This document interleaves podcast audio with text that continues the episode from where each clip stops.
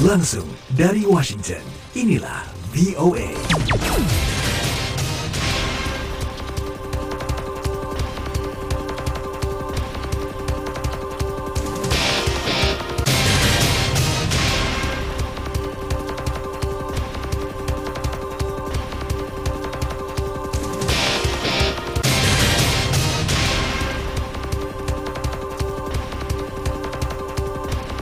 Pagi pendengar, kita telah memasuki hari ketujuh atau seminggu setelah tahun baru. Bagaimana kabar Anda? Semoga Anda sehat selalu sehingga dapat menikmati sajian siaran kami VOA Washington bersama pengantar siaran Puspita Sariwati. Dan saya Dewi Sulianti, kami senang sekali menjumpai Anda Selasa 7 Januari 2, tahun 2020 dengan menyajikan berbagai berita, liputan, dan info menarik. Kami juga ditemani produser Erna Wiasi dan operator Tony Pollack.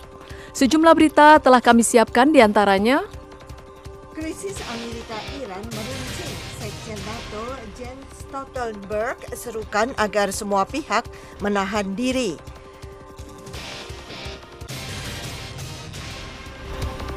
Mogul film Harvey Weinstein didakwa di Los Angeles, sementara pengadilan seksual lainnya dimulai di New York. Puerto Rico dilanda gempa. Israel dalam keadaan waspada menghadapi kemungkinan serangan balasan atas atas pembunuhan jenderal tertinggi Iran Qasem Sulaiman oleh Amerika. Just as Israel has the right of self-defense, the United States has exactly the same right. Qasem Soleimani is responsible for the death of American citizens and many other innocent people. He was planning more such attacks. President Presiden Joko Widodo angkat bicara soal masuknya kapal Tiongkok ke wilayah perairan Natuna, Kepulauan Riau. Ia tegaskan bahwa tidak ada tawar-menawar mengenai kedaulatan tanah air. Sangat baik bahwa tidak ada yang namanya tawar-menawar mengenai kedaulatan, mengenai teritorial negara kita. Sebelum berbagai liputan tadi, kami sampaikan dulu berita dunia bersama Eva Mazreva.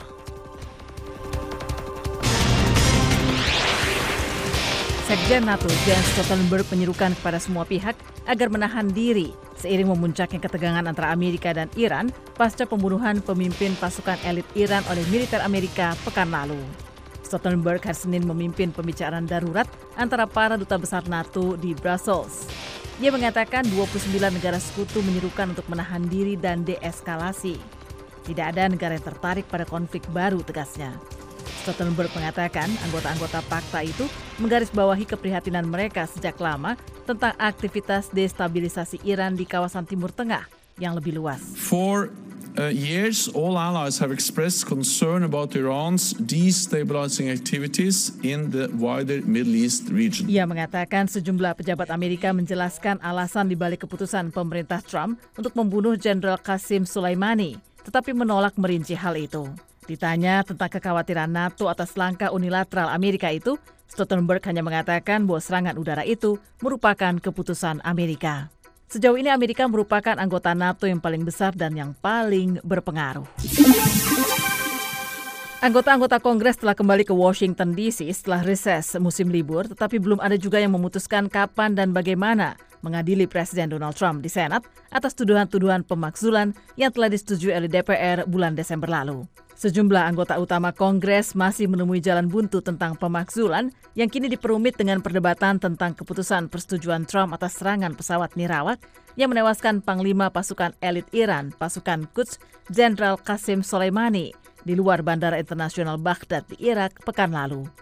Ketua DPR Nancy Pelosi, pemimpin fraksi Demokrat yang menguasai DPR, menolak untuk mengirim dua pasal pemakzulan yang telah disetujui DPR ke Senat, hingga ia yakin betul akan diselenggarakannya peradilan yang adil. Satu pasal yang disetujui DPR itu sepakat bahwa Trump telah menyalahgunakan kekuasaan kepresidenannya untuk menekan Ukraina melakukan penyelidikan terhadap pesaing utamanya dalam pemilu presiden tahun ini, yaitu mantan wakil presiden Joe Biden. Ukraina Pemimpin mayoritas Senat Mitch McConnell yang juga pemimpin faksi Republik yang menguasai Senat mengatakan bahwa majelisnya tidak dapat melangsungkan peradilan pemakzulan tanpa menerima tuduhan pemakzulan DPR. It's the Senate's turn now to render sober judgment as the framers envisioned. But we can't hold a trial without the articles. Meskipun sebagian senator faksi Republik berniat membebaskan Trump secepat mungkin dari tuduhan-tuduhan itu, Senat sedianya tetap terlebih dahulu memulai sidang. Pemimpin minoritas Senat Chuck Schumer telah berselisih dengan McConnell untuk berupaya mendapatkan jaminan bahwa para pembantu utama Trump di Gedung Putih akan diizinkan memberi kesaksian dalam peradilan pemakzulan.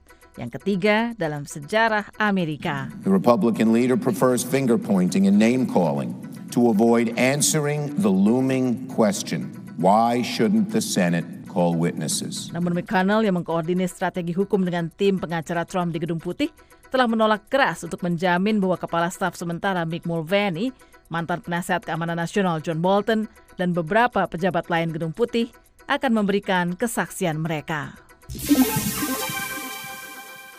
Harvey Weinstein hari Senin didakwa di Los Angeles dengan pemerkosaan dan kekerasan seksual terkait dua insiden terpisah selama periode dua hari pada tahun 2013. Tuduhan terhadap mogul film yang dipermalukan itu disampaikan tepat ketika pengadilan tentang kejahatan seksualnya dimulai di New York. Menurut dokumen pengadilan, pada 18 Februari 2013, Weinstein datang ke sebuah hotel di Los Angeles dan memperkosa seorang perempuan setelah memaksanya masuk ke kamar hotelnya. Keesokan harinya ia diduga menyerang seorang perempuan lain di sebuah kamar hotel lain di Beverly Hills. Kami yakin bukti ini menunjukkan bahwa pelaku menggunakan kekuasaan dan pengaruhnya untuk mendapatkan akses pada korban-korbannya dan kemudian melakukan kejahatan terhadap mereka. Demikian ujar jaksa distrik Los Angeles Jackie Lacey dalam sebuah pernyataan. Sementara itu di New York, Harvey Weinstein dan sebagian perempuan yang menuduhnya telah melakukan perbuatan seksual yang tidak semestinya hari Senin bertemu di pengadilan, di mana hakim dan tim pengacara akan menyelesaikan persiapan final pengadilan terkait sejumlah tuduhan perkosaan dan serangan seksual. Weinstein yang berusia 67 tahun memasuki gedung pengadilan dengan menggunakan alat bantu jalan pasca operasi punggung baru-baru ini. Ia mengenakan jas hitam dengan rambut acak-acakan. Ketika ditanya wartawan di luar ruang sidang bagaimana kondisi kesehatannya pasca operasi, Weinstein menanggapi dengan senyum tipis.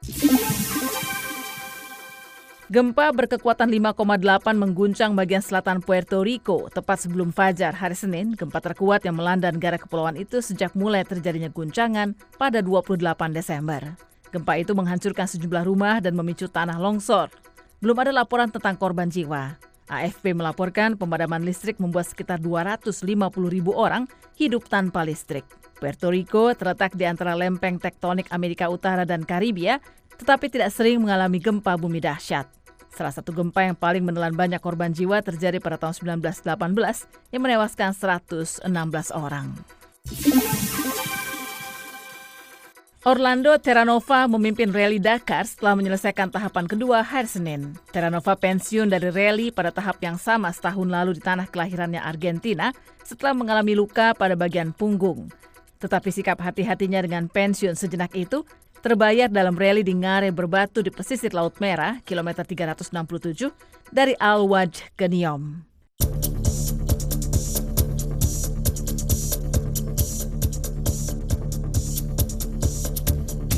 Pendengar, setelah warta berita kini kami lanjutkan dengan laporan ekonomi dan pasar saham disampaikan Made Yoni. VOA Washington dengan info keuangan dan bursa global Selasa 7 Januari 2020 bersama saya Madioni. Kita awali dengan bursa saham di Amerika. Indeks Dow Jones naik 68 poin menjadi 28.703, indeks S&P 500 naik 9 poin menjadi 3.244, indeks Nasdaq naik 50 poin menjadi 9.071. Di Eropa, indeks Financial Times London turun 47 poin menjadi 7.575, indeks DAX Jerman turun 92 poin menjadi 13.126, indeks CAC 40 Paris turun 30 poin menjadi 6.013. Di Asia, indeks Nikkei turun 451 poin menjadi 23.204, sementara indeks Hang Seng turun 225 poin menjadi 28.226. Berikut nilai tukar dolar Amerika di New York terhadap beberapa mata uang uang utama lainnya. 1 dolar Amerika bernilai 0,89 euro dan 108,4 yen Jepang. Sementara pound sterling Inggris dijual di New York seharga 1,31 dolar. Dan menurut catatan Bloomberg, 1 dolar Amerika sama dengan 13.944 rupiah. Sementara itu, harga beberapa komoditas kunci pada penutupan pasar di New York sebagai berikut. Harga minyak mentah Amerika naik 16 sen menjadi 63 dolar 21 sen per barel. Harga emas naik 13 dolar 90 sen menjadi 1.566 dolar 30 sen per troy ounce. Harga tembaga turun kurang dari setengah sen menjadi 2 dolar 78 sen per pon. Harga kakao atau biji coklat turun 35 dolar menjadi 2.484 dolar per ton. Harga kopi turun 4 sen menjadi 1 dolar 22 sen.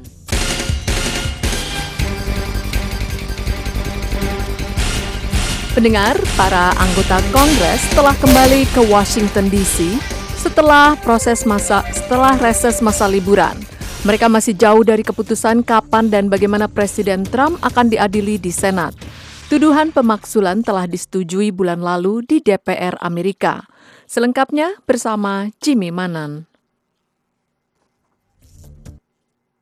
Tokoh Kongres yang utama masih menghadapi kebuntuan sehubungan proses pemaksulan Presiden Trump. Hal ini semakin dipersulit oleh perdebatan di Kongres sehubungan langkah Trump untuk membunuh Jenderal Iran Qasem Soleimani minggu lalu di luar bandara Baghdad. Ketua DPR Nancy Pelosi, pemimpin dari Partai Demokrat di DPR, menolak untuk mengirim dua pasal pemaksulan kepada Senat sampai dia berhasil diyakinkan majelis itu akan melakukan persidangan secara adil. Salah satu pasal menuduh Trump menyalahgunakan kekuasaan kepresidenannya dan menekan Ukraina agar melakukan penyelidikan terhadap pesaing utamanya dalam pemilihan presiden 2020 mantan Wapres Joe Biden. Pasal lainnya terkait dengan penghambatan usaha Kongres untuk menyelidiki tindakannya terkait Ukraina. Pemimpin mayoritas di Senat, Mitch McConnell, pemimpin dari Senat yang dikuasai Partai Republik itu mengatakan majelis yang dipimpinnya tidak bisa mulai pengadilan pemaksulan tanpa menerima tuduhan pemaksulan dari DPR. Pemimpin minoritas di Senat, Chuck Schumer, sempat bertikai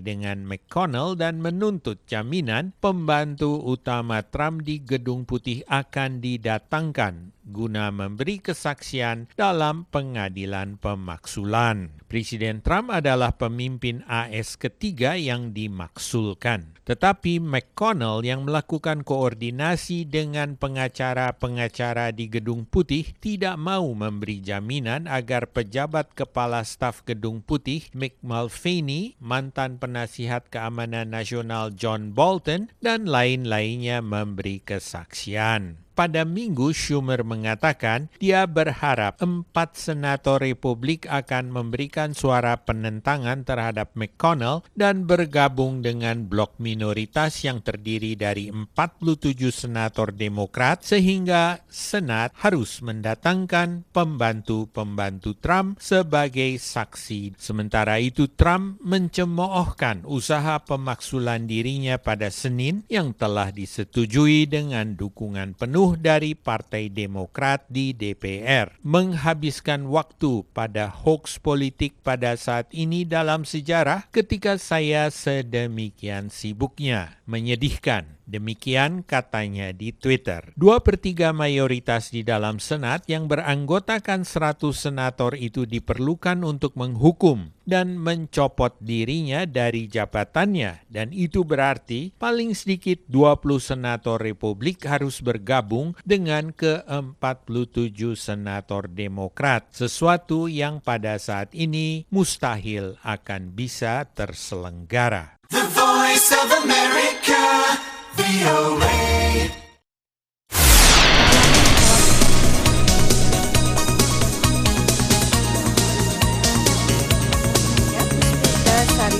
dan juga Dewi Sulianti di Studio 17 VOA Washington. Nah, pada kemarin ya tadi malam ya, Iya, hari betul. Minggu malam di waktu Amerika sini, ter ini berlangsung acara tahunan Golden Globe yang ke-77 yaitu penyerahan penghargaan untuk dunia perfilman, Perfilman. ya. Uh-uh. Nah, nonton nggak itu? Tadi Nonton malam? sih, Oke. ya. uh, jadi uh, di salah uh, di mana ada beberapa kategori, di mana salah satunya adalah uh, film terbaik untuk drama itu adalah 1917. Itu ini kayaknya film perang ya, Puspita ya. Iya, iya. Tapi yang paling banyak memperoleh penghargaan adalah Once Upon a, a- a Time in Hollywood ya, atau Once Upon Time in Hollywood. Iya, Once Upon a Time Ya, di- tapi in Hollywood, ya. film ini termasuk untuk kategori film musik dan komedi terbaik. Ya, di mana situ ada favorit saya loh. Oh iya, Eh, siapa Brad? Pitt dan Leonardo DiCaprio. DiCaprio. DiCaprio. Iya, iya, betul. Ya. Ya, terus siapa lagi nih? Ada aktris terbaik untuk pemeran pembantu? Eh, itu ada Laura Lauren Laura Dern ya. Dan juga eh, ada pemeran pemeran utama ya, aktor pemeran utama dalam seri eh, drama yaitu film Joker. Oh iya, baik. Nanti kita lanjutkan kembali.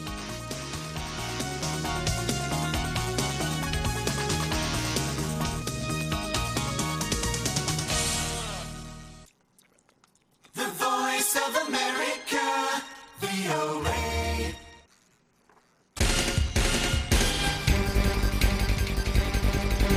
Kini kami sampaikan laporan internasional. Israel dalam keadaan waspada menghadapi kemungkinan serangan balasan atas pembunuhan jenderal tertinggi Iran Qasim Soleimani oleh Amerika. Presiden AS Donald Trump telah meningkatkan retorikanya sementara para pemimpin Iran Iran mengancam AS dan Israel. Wartawan VOA Linda Gradstein melaporkan dari Yerusalem disampaikan Vina Muptadi. Tak lama setelah beredar kabar tewasnya Qasem Soleimani, Perdana Menteri Israel Benjamin Netanyahu langsung memuji Presiden Trump atas pembunuhan pemimpin Garda Revolusioner Iran tersebut. Just as Israel has the right of self-defense, the United States has exactly the same right. Seperti halnya Israel memiliki hak membela diri, AS memiliki hak yang sama. Qasem Soleimani bertanggung jawab atas kematian warga Amerika dan banyak orang tak berdosa lainnya. Israel mendukung AS dalam upaya menuju perdamaian, keamanan, dan pertahanan diri. Netanyahu juga mempersingkat lawatannya ke Yunani untuk pulang segera ke Israel. Israel khawatir aksi balasan bisa datang langsung dari Iran atau lewat proksi Iran Hezbollah. Pemimpin Hezbollah Hasan Nasrallah mengatakan pembunuhan itu adalah awal perang baru dengan Amerika dan menyerukan milisi-milisi Syiah untuk menyerang aset-aset militer Amerika di seluruh Timur Tengah. Dia juga mengatakan Israel telah meminta Amerika untuk membunuh Soleimani. Trump telah mengancam akan menarget 52 sasaran di Iran apabila Teheran menyerang kepentingan-kepentingan Amerika. Para pejabat Israel mengatakan Hezbollah memiliki lebih dari 100 ribu roket yang bisa menargetkan semua bagian negara itu. Pada waktu yang sama, mereka tidak yakin Hezbollah menghendaki peperangan besar-besaran dengan Israel. Israel menutup resor ski Gunung Hermon di perbatasan dengan Suriah dan Lebanon pada hari Jumat karena khawatir kemungkinan adanya serangan dan masih menutupnya Sabtu karena ada sebuah badai besar di wilayah itu. Namun resor itu sekarang sudah dibuka kembali, yang artinya para pejabat intelijen tidak yakin akan ada serangan segera. Israel juga mendesak kedutaan-kedutaannya di luar negeri untuk memperketat prosedur keamanan karena mengkhawatirkan adanya serangan. Tapi mantan kepala intelijen militer mengatakan apabila ada serangan balasan, kemungkinan akan menarget kepentingan-kepentingan Amerika. Para analis Israel juga memperdebatkan seberapa seriusnya dampak kematian Soleimani terhadap Iran. Dan Orbach, seorang pakar sejarah militer, mengatakan kepada radio Israel bahwa Garda Revolusioner Iran merupakan organisasi yang terdesentralisasi dan pembunuhan Soleimani tidak akan melumpuhkan organisasi itu. Soleimani was a very charismatic person. He had a lot of experience, he had a lot of knowledge. Di sisi lain, Soleimani adalah sosok yang sangat karismatik. Dia punya banyak pengalaman dan pengetahuan. Dia mengarahkan operasi terutama di dunia Arab dan melawan Israel. Kita tidak tahu pasti tetapi penerusnya Ismail Rarabi mungkin malah tidak bisa berbahasa Arab. Para pejabat Israel mengatakan mereka akan terus mempertahankan kewaspadaan yang tinggi baik di Israel dan luar negeri selama beberapa bulan ke depan.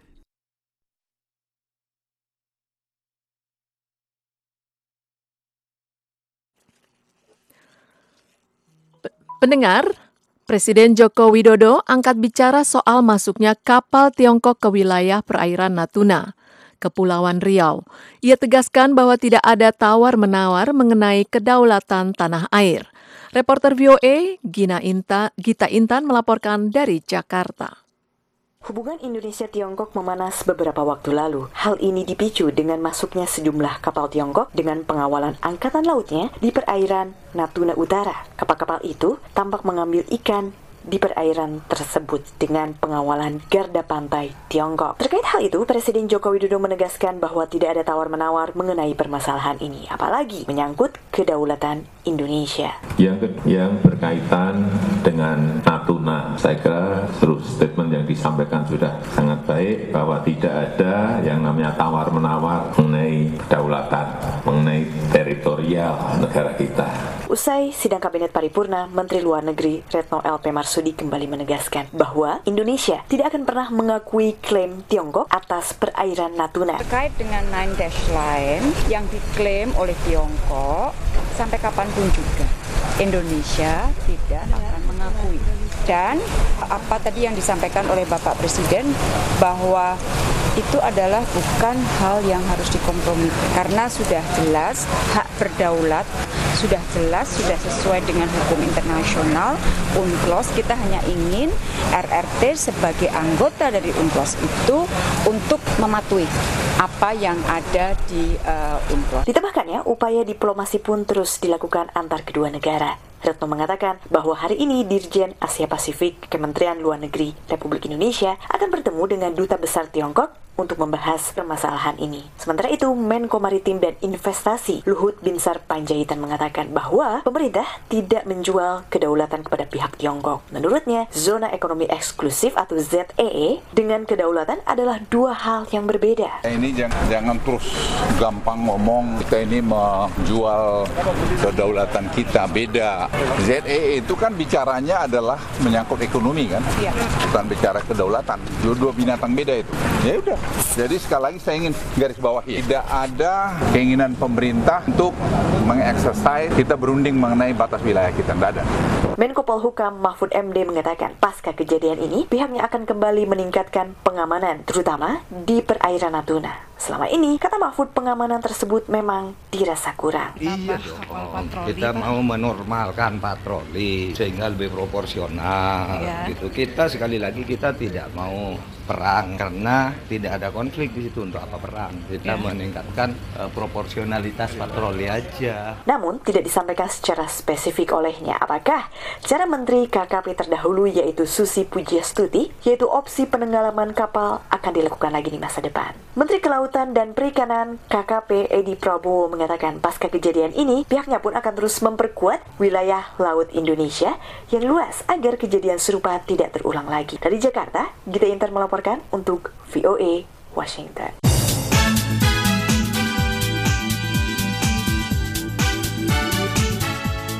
Pendengar, Organisasi Kesehatan Sedunia atau WHO melaporkan penyelidikan mengenai ancaman kesehatan dan penanggapan cepat oleh WHO dan mitra-mitra atas keadaan darurat global telah melindungi jutaan orang yang paling rentan dari berbagai penyakit dan kematian pada tahun 2019 lalu.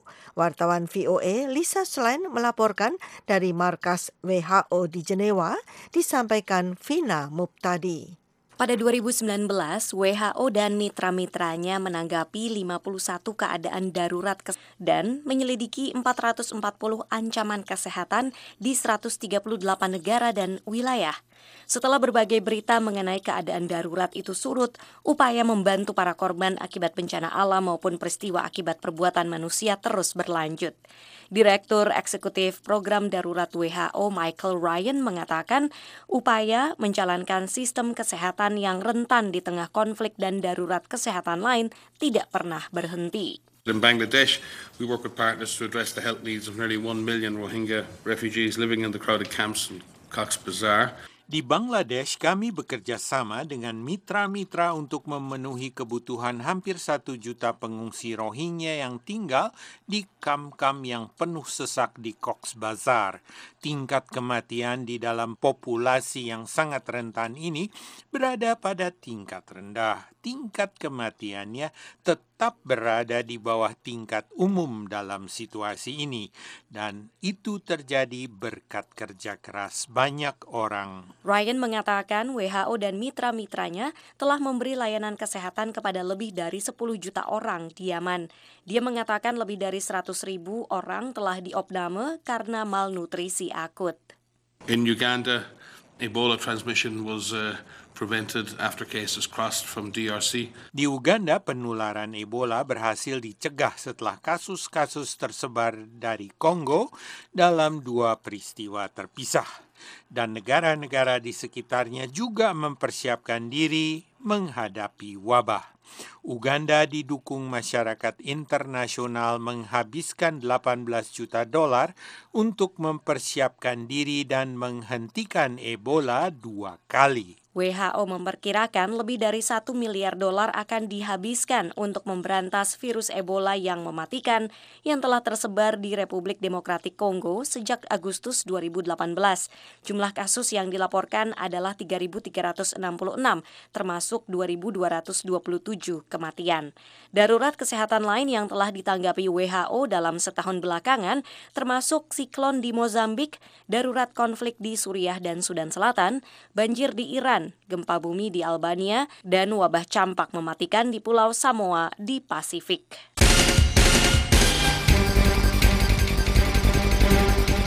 Pendengar, sebagian warga sipil terpaksa pergi dari rumah mereka di daerah Lamu, wilayah pesisir Kenya, ke kota-kota kecil demi keamanan. Perkembangan itu terjadi setelah kelompok militan Al-Shahab menyerbu pangkalan militer Amerika. Laporan selengkapnya disampaikan Puspita Sariwati. Para saksi mata mengatakan orang-orang keluar dari desa-desa dekat lapangan udara Manda Bay karena takut akan serangan lebih lanjut atau terperangkap dalam bentrokan antara pasukan keamanan dan anggota Al-Shabaab yang bersembunyi di hutan Boni terdekat. Anap Haji adalah anggota Dewan Kabupaten Lamu. Konstituennya tinggal di daerah yang diserang. Yeah, people are in fear actually. And uh, people have been moving from their village to the nearby Orang-orang ketakutan dan mereka telah pindah dari desa ke kota terdekat, Hindi dan Mekowe. Kami mempunyai desa-desa seperti Mekondoni, juga Sinambio, Kausara. Jadi orang-orang dalam ketakutan. Itulah sebabnya mereka pindah ke kota. Tetapi keamanan sangat ketat.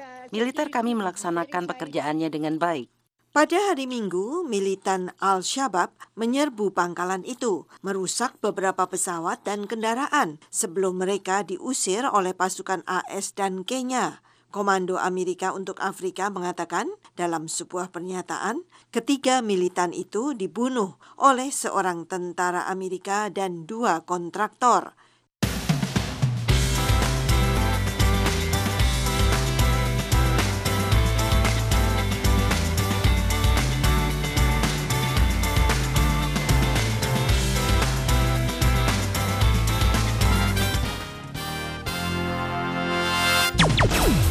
Langsung dari Washington, inilah VOA. Selamat pagi pendengar, apa kabar? Semoga Anda selalu ceria menyambut pagi ini 7 Januari 2020. Saya Dewi Sulianti dan Puspita Sariwati menemani Anda dengan berbagai laporan dan rubrik yang kami sajikan. Ya, pendengar, nanti di antaranya akan kami sampaikan mengenai salah satu museum paling unik di Washington DC namanya Museum yang ditutup akhir tahun lalu setelah 12 tahun mempersembahkan tentang jurnalisme dan promosi amandemen pertama Konstitusi Amerika. Pendengar sebelum acara-acara tadi, kami sampaikan dulu sari berita dan warta berita dunia bersama Eva Mazriba. Sekjen NATO Jens Stoltenberg menyerukan kepada semua pihak agar menahan diri seiring memuncaknya ketegangan antara Amerika dan Iran pasca pembunuhan pemimpin pasukan elit Iran oleh militer Amerika pekan lalu. Stoltenberg hari Senin memimpin pembicaraan darurat antara para duta besar NATO di Brussels. Ia mengatakan 29 negara sekutu menyerukan untuk menahan diri dan deeskalasi. Tidak ada negara yang tertarik pada konflik baru, tegasnya. Anggota-anggota Kongres telah kembali ke Washington DC setelah reses musim libur, tetapi belum ada juga yang memutuskan kapan dan bagaimana mengadili Presiden Donald Trump di Senat atas tuduhan-tuduhan pemakzulan yang telah disetujui oleh DPR bulan Desember lalu. Sejumlah anggota utama Kongres masih menemui jalan buntu tentang pemakzulan yang kini diperumit dengan perdebatan tentang keputusan persetujuan Trump atas serangan pesawat nirawak yang menewaskan Panglima pasukan elit Iran, pasukan Quds, Jenderal Qasim Soleimani, di luar Bandara Internasional Baghdad di Irak pekan lalu. Harvey Weinstein hari Senin didakwa di Los Angeles dengan pemerkosaan dan kekerasan seksual terkait dua insiden terpisah selama periode dua hari pada tahun 2013. Tuduhan terhadap mogul film yang dipermalukan itu disampaikan tepat ketika pengadilan tentang kejahatan seksualnya dimulai di New York. Menurut dokumen pengadilan, pada 18 Februari 2013, Weinstein datang ke sebuah hotel di Los Angeles dan memperkosa seorang perempuan setelah memaksanya masuk ke kamar hotelnya. Gempa berkekuatan 5,8 mengguncang bagian selatan Puerto Rico tepat sebelum fajar hari Senin. Gempa terkuat yang melanda negara kepulauan itu sejak mulai terjadinya guncangan pada 28 Desember. Gempa itu menghancurkan sejumlah rumah dan memicu tanah longsor. Belum ada laporan tentang korban jiwa. AFP melaporkan pemadaman listrik membuat sekitar 250 ribu orang hidup tanpa listrik.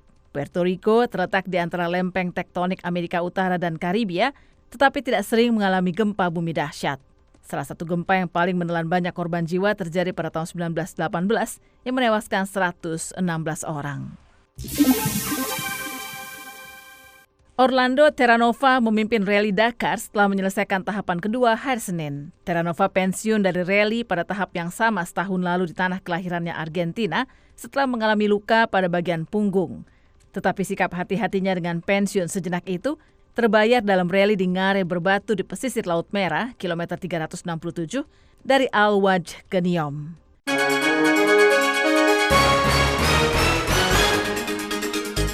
Selamat pagi pendengar, apa kabar? Tahun baru begitu cepat berlalu dan pagi ini 7 Januari kami sajikan berbagai rubrik untuk Anda bersama saya Puspita Sariwati. Ya, dari Studio 17 VOA di Washington DC, saya Dewi Sulianti juga ditemani oleh produser siaran Erna Wiasi dan operator Tony Polak menyampaikan siaran pagi VOA. Koalisi Masyarakat Sipil menilai normalisasi sungai yang dilakukan pemerintah dalam bentuk betonisasi. Zero runoff itu artinya dalam satu lahan pemilik lahan atau pengelola lahan dia harus bertanggung jawab terhadap air permukaannya. Jangan sampai air permukaannya dibuang seluruhnya ke drainase. Salah satu museum paling unik di Washington DC, Museum yang telah berdiri selama 12 tahun, akhirnya ditutup akhir tahun lalu. Mengapa? Ikuti nanti dalam rubrik Amerika Kini. The museum started over 20 years ago as an idea from our founder, Al Newhart, to educate and convene conversations about the First Amendment. Pendengar, nanti juga akan kami sampaikan bincang-bincang dengan Kus yang menjadi kepala koki atau eksekutif chef di Hotel Holiday Inn Countryside, Chicago.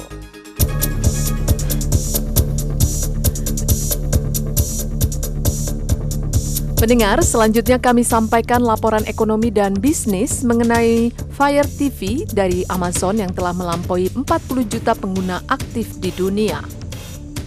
Selamat pagi pendengar, perusahaan Amazon.com Incorporation hari Senin mengatakan perangkat streamingnya Fire TV telah melampaui 40 juta pengguna aktif secara global dan lebih unggul dari saingannya Roku Incorporation. Roku pada bulan November mengatakan memiliki 32,3 juta akun aktif. Perangkat streaming seperti Apple TV, Chromecast, dan Fire TV yang menyatukan konten dari berbagai platform streaming semakin populer ketika orang beralih dari TV kabel.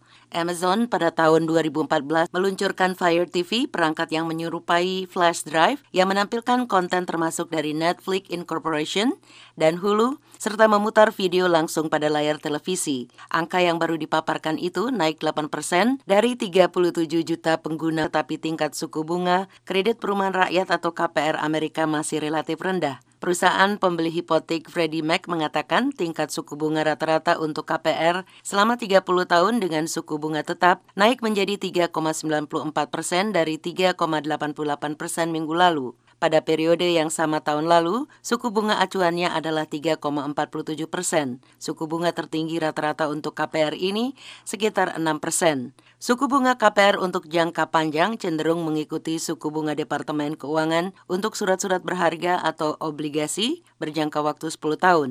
Suku bunga untuk obligasi 10 tahun sudah naik sejak awal September. Suku bunga KPR untuk suku bunga tetap selama 15 tahun yang populer di kalangan pemilik rumah yang mengambil kredit ulang naik menjadi 3,25 persen dari 3,19 persen minggu lalu. Setahun yang lalu tingkat suku bunga untuk 15 tahun adalah 2,78 persen. Thailand menyelamatkan korban perdagangan manusia tahun lalu yang mencapai rekor 1.807 korban. Demikian menurut data yang disampaikan aktivis hari Senin sebagaimana dilaporkan kantor berita Reuters. Berdasarkan data pemerintah, jumlah korban melonjak dari 622 pada tahun 2018, sementara jumlah sebelumnya adalah 982 pada 2015. Sekitar 60 persen dari para korban yang diselamatkan tahun lalu adalah perempuan dan sebagian besar adalah pekerja yang diperdagangkan. Hampir tiga perempat di antara adalah migran Birma yang menuju Malaysia, kata polisi. Thailand dalam beberapa tahun terakhir telah meningkatkan upayanya untuk menangani perdagangan manusia. Di tengah-tengah pantauan Amerika menyusul kecaman atas kegagalan Thailand menghentikan perdagangan manusia di sektor industri makanan lautnya yang bernilai jutaan dolar serta perdagangan seks.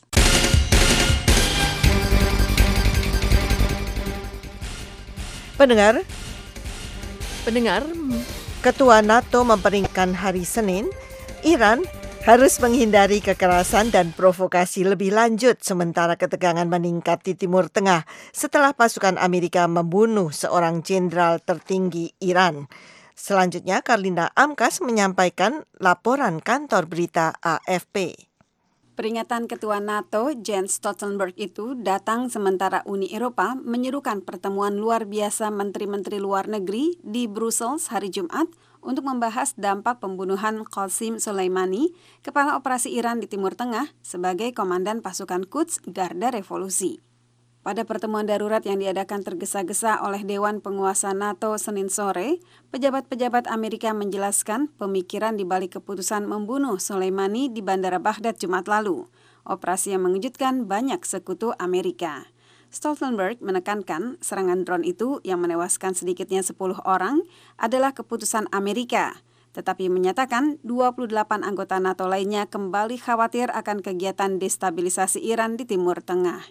Ditanya dua kali apakah ada negara anggota yang mengkritik serangan Amerika itu, Stoltenberg menekankan persatuan dan keprihatinan terhadap perilaku Iran.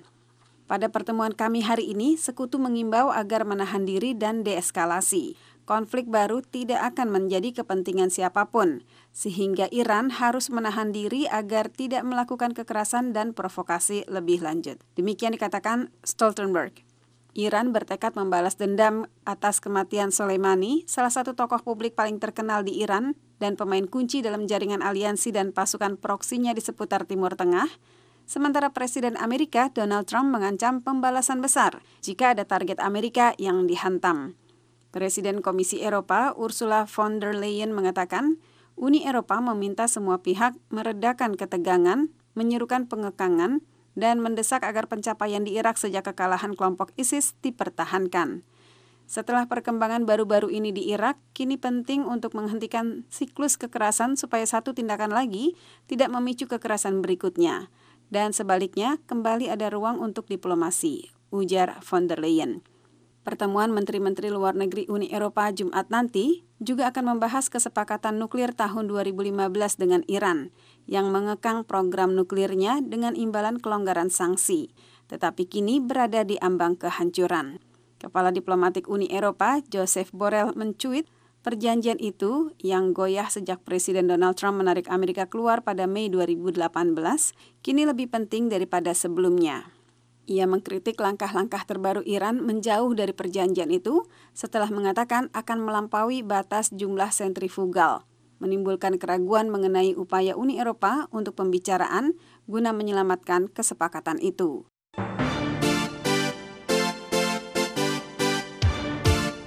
Jangan lupa mampir di website kami di www.voaindonesia.com.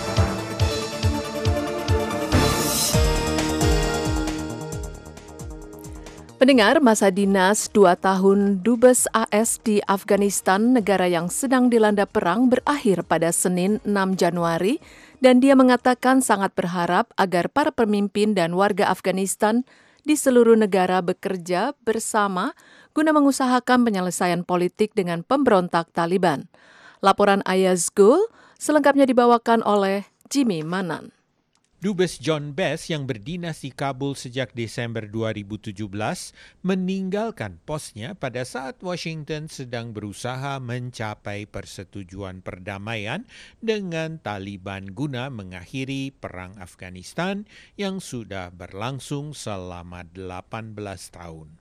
Ini merupakan perang paling lama yang dilakukan Amerika. Dia secara terampil memajukan sasaran pemerintahan Trump untuk mencapai penyelesaian politik di Afghanistan yang memastikan teroris tidak bisa mengancam Amerika dari wilayah Afghanistan dan pada saat bersamaan memimpin sebuah misi diplomatik yang besar di tengah-tengah berbagai ancaman keamanan.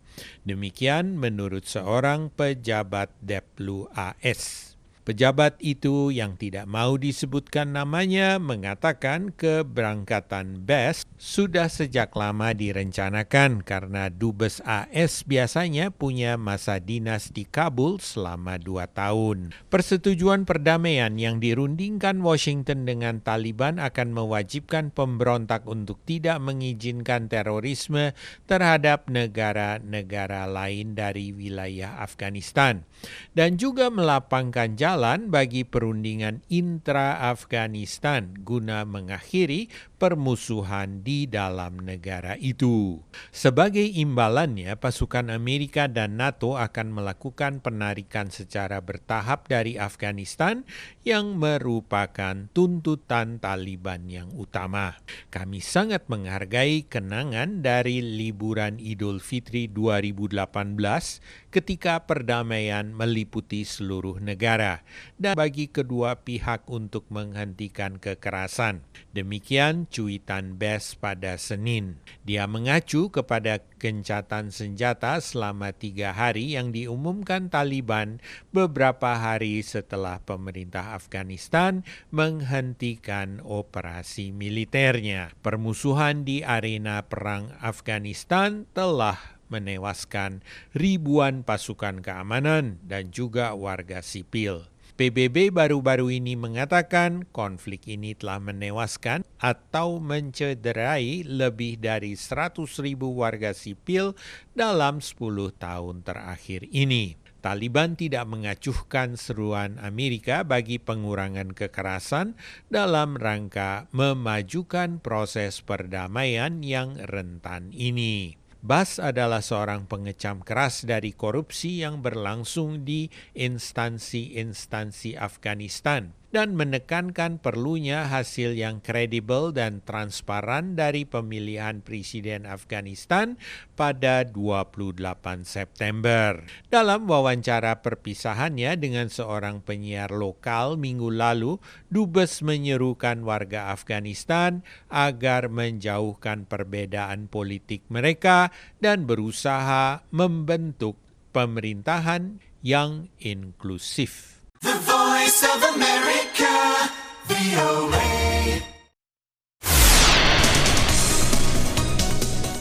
Halo pendengar, kalau mungkin Anda sudah search ya di Google atau apa tentang penganugerahan penghargaan Golden Globe tahun 2020. Tadi telah kami bahas ya Dewi, uh-uh. siapa saja pemenangnya. Iya, di antaranya tadi juga udah disebutkan ya Once Upon a Time in Hollywood itu dia mendapat penghargaan terbanyak yaitu tiga penghargaan termasuk untuk musik komedi terbaik. Iya, dan juga uh, biasanya penghargaan hmm. Golden Globe ini bisa dianggap sebagai kompas ya atau titik tolak atau petunjuk mm-hmm. ya perolehan untuk piala Oscar yang diselenggarakan awal Februari nanti. Betul. Biasanya mm-hmm. kalau yang sudah menang di Golden Globe biasanya bisa Menjadi. atau kemungkinan besar juga menang dalam menang di, piala Oscar. Ya betul.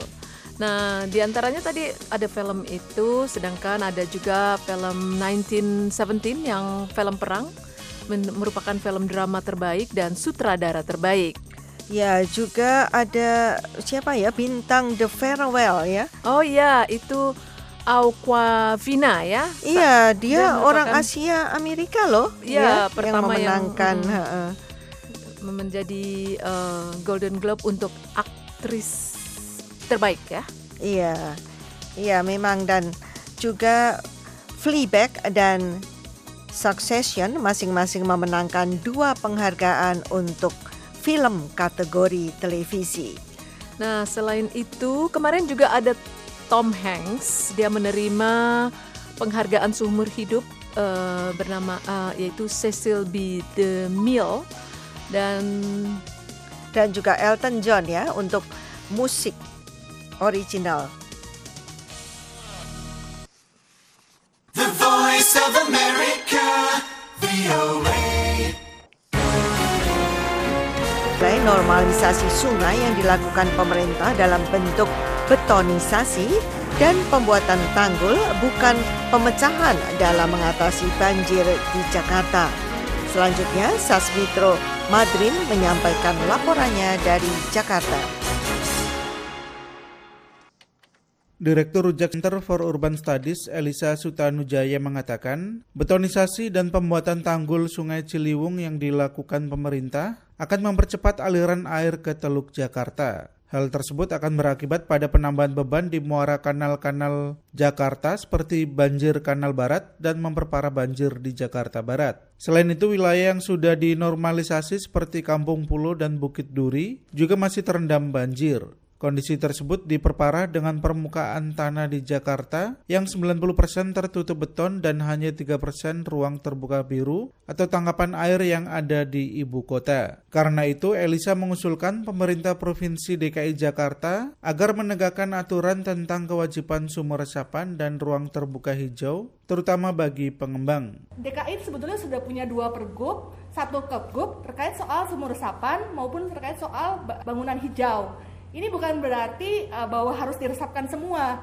Dalam konsep bangunan hijau ada yang namanya zero run off. Itu artinya dalam satu lahan, pemilik lahan atau pengolahan dia harus bertanggung jawab terhadap air permukaannya. Jangan sampai air permukaannya dibuang seluruhnya ke drainase, tapi harus ditahan sebanyak selama mungkin ataupun diresapkan selama mungkin. Untuk memaksimalkan penerapan sumur resapan, Elisa menambahkan pemerintah DKI Jakarta juga bisa mengenakan biaya ke pemilik gedung yang mengeluarkan air dalam jumlah banyak ke saluran air. Praktik ini katanya diberlakukan di Jerman dan negara bagian California. Sementara Kepala Greenpeace Indonesia Leo Simanjuntak menyoroti tingkat curah hujan yang semakin tinggi dari masa ke masa dan intervalnya yang semakin pendek. Ini seperti hujan ekstrim yang terjadi di Jakarta dan Bekasi pada Rabu 1 Januari lalu yang biasanya dalam rentang puluhan tahun, kini terjadi dalam waktu 2 hingga 3 tahun. Guru Besar Hidrologi UGM Joko Sujono memperkirakan ada 180 juta meter kubik air yang menghantam Jakarta pada awal tahun lalu. Tapi kalau kita lihat sejarah curah hujan Jakarta, itu normal perharinya itu ya 20 mm. 377 mm itu kan hampir 20 kalinya. Kalaupun dia membesar itu paling-paling antara 20 sampai 50 mm. Curah hujan 377 mm per hari yang disebut Simanjuntak merupakan curah hujan tertinggi pada awal tahun lalu di Bandara Halim Perdana Kusuma, Jakarta Timur berdasar laporan BMKG. Badan Nasional Penanggulangan Bencana atau BNPB mencatat jumlah korban banjir di Jabodetabek dan sekitarnya mencapai 67 orang per 6 Januari 2020. Jumlah pengungsi mengalami peningkatan dari 900-an orang menjadi 36 ribuan orang meskipun genangan air semakin surut. Dari Jakarta, Sasmita Madre melaporkan untuk VOA Washington. Melalui masakan, ia mengobati rindu pada tanah air. Tetapi setelah suaminya meninggal, Kus melanjutkan pendidikan kulinari dan sepenuhnya terjun ke dunia masak-memasak. Dia sempat berkali-kali pindah pekerjaan. Simak kutipan penuturan Kus kepada Karlina Amkas dalam Bincang-Bincang VOA. Dari Jakarta bisa nyampe sini gimana ceritanya? Kerja, Jack. Nah, almarhum suami itu kebetulan juga kerja di perusahaan yang sama, tapi dia itu base-nya di Hong Kong. Saya ini yang base-nya di Jakarta. Kita ada meeting satu hari, dua hari meeting. Terus loh kok malah jadi seru ya. Setahun kemudian pindah sini. Langsung Chicago gitu. gitu. Langsung ke Chicago ya. Ya hampir 25 tahun yang lalu lah. Ya punya anak dua, ya itulah mulai suka masak karena kangen masakan Indonesia ya. Kebetulan saya juga orangnya dari keluarga anak abri ya. Bapak itu putra putrinya 10, saya nomor 8. Jadi karena keluarga banyak kan kita makannya cuma di jatah. Aduh, gimana caranya supaya bisa makan? Kalau kita hangout di dapur sama ibu kan dikasih icip-icip ya enggak? Ini cobain, cobain kan jadi kenyang sambil belajar gitu. Jadi aduh, saya nggak bisa kerja, anak masih kecil, kasihan kan kalau dikasih ke babysitter gitu. Jadi saya mulai catering dikit-dikit. Ya itulah. Nah begitu yang besar mulai kuliah, yang kecil itu udah SMA senior gitu. Sekarang mami mau sekolah lagi. Mulailah saya masuk di Cordon Bleu. Nah begitu saya sekolah 4 minggu langsung mendapat tawaran kerja. Jadi saya full time kerja full time sekolah full time. Terus saya pergi ke tempat kerja, istirahat cuma 15 menit lah di parking lot tidur sebentar gitu. terus kerja jam 12 sampai jam 9 malam, pulang terus ngerjain PR lagi, jam 12 tidur bangun lagi jam 4. Itu selama 2 tahun. Tapi buat saya itu berat tapi kayaknya nggak berat gitu loh. Mungkin karena karena memang niat ya dan kemudian saya suka. Allah tuh ngasih jalannya juga gampang gitu kok kamu bisa ya gitu. Jadi semuanya dipermudah gitu loh. Selama kerja itu saya udah pindah beberapa perusahaan karena biasanya dalam sebulan saya udah tahu gitu oh kayaknya perusahaan ini saya nggak bakal maju banyak gitu. Perusahaan ini kurang training perusahaan ini demikian. Jadi tapi saya ambil hikmahnya terus saya belajar terus mumpung selama di situ sampai akhirnya um, mulai pekerjaan yang lebih bagus nah akhirnya dapat kesempatan di sini. Ya udah saya ambil aja. Soalnya kalau nggak diambil orang lain yang ngambil Terus di sini belum kepikir untuk pindah lagi? belum belum. Tapi ya tidak menutup kemungkinan ya. Soalnya kan kesempatan di mana itu banyak. Cuman mungkin yang cocok dengan kita belum kan. Dan udah mantep. inilah happy lah gitu ya dengan pilihan.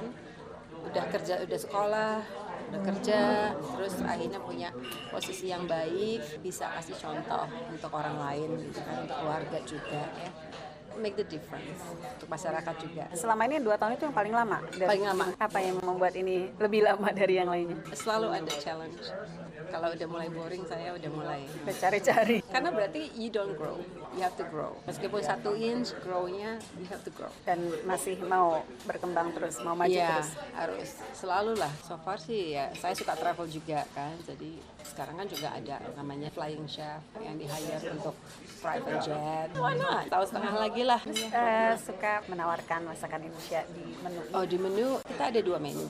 Satu itu harus ikut Holiday Inn, jadi ada standarnya. Satu lagi casual kita bisa ganti, tapi saya coba ethnic food di sini agak susah untuk terima. Kebanyakan memang American food. Tapi nggak lupa sama masakan Indonesia yang tradisional ya. Oh, iya, iya. Atau belajar juga sekarang lebih profesional. Kalau dulu kan masaknya karena bisa aja gitu. Iya, sekarang jadi diperbaiki lah gitu. Bentuknya, penyajiannya gitu kan, dibuat lebih cantik.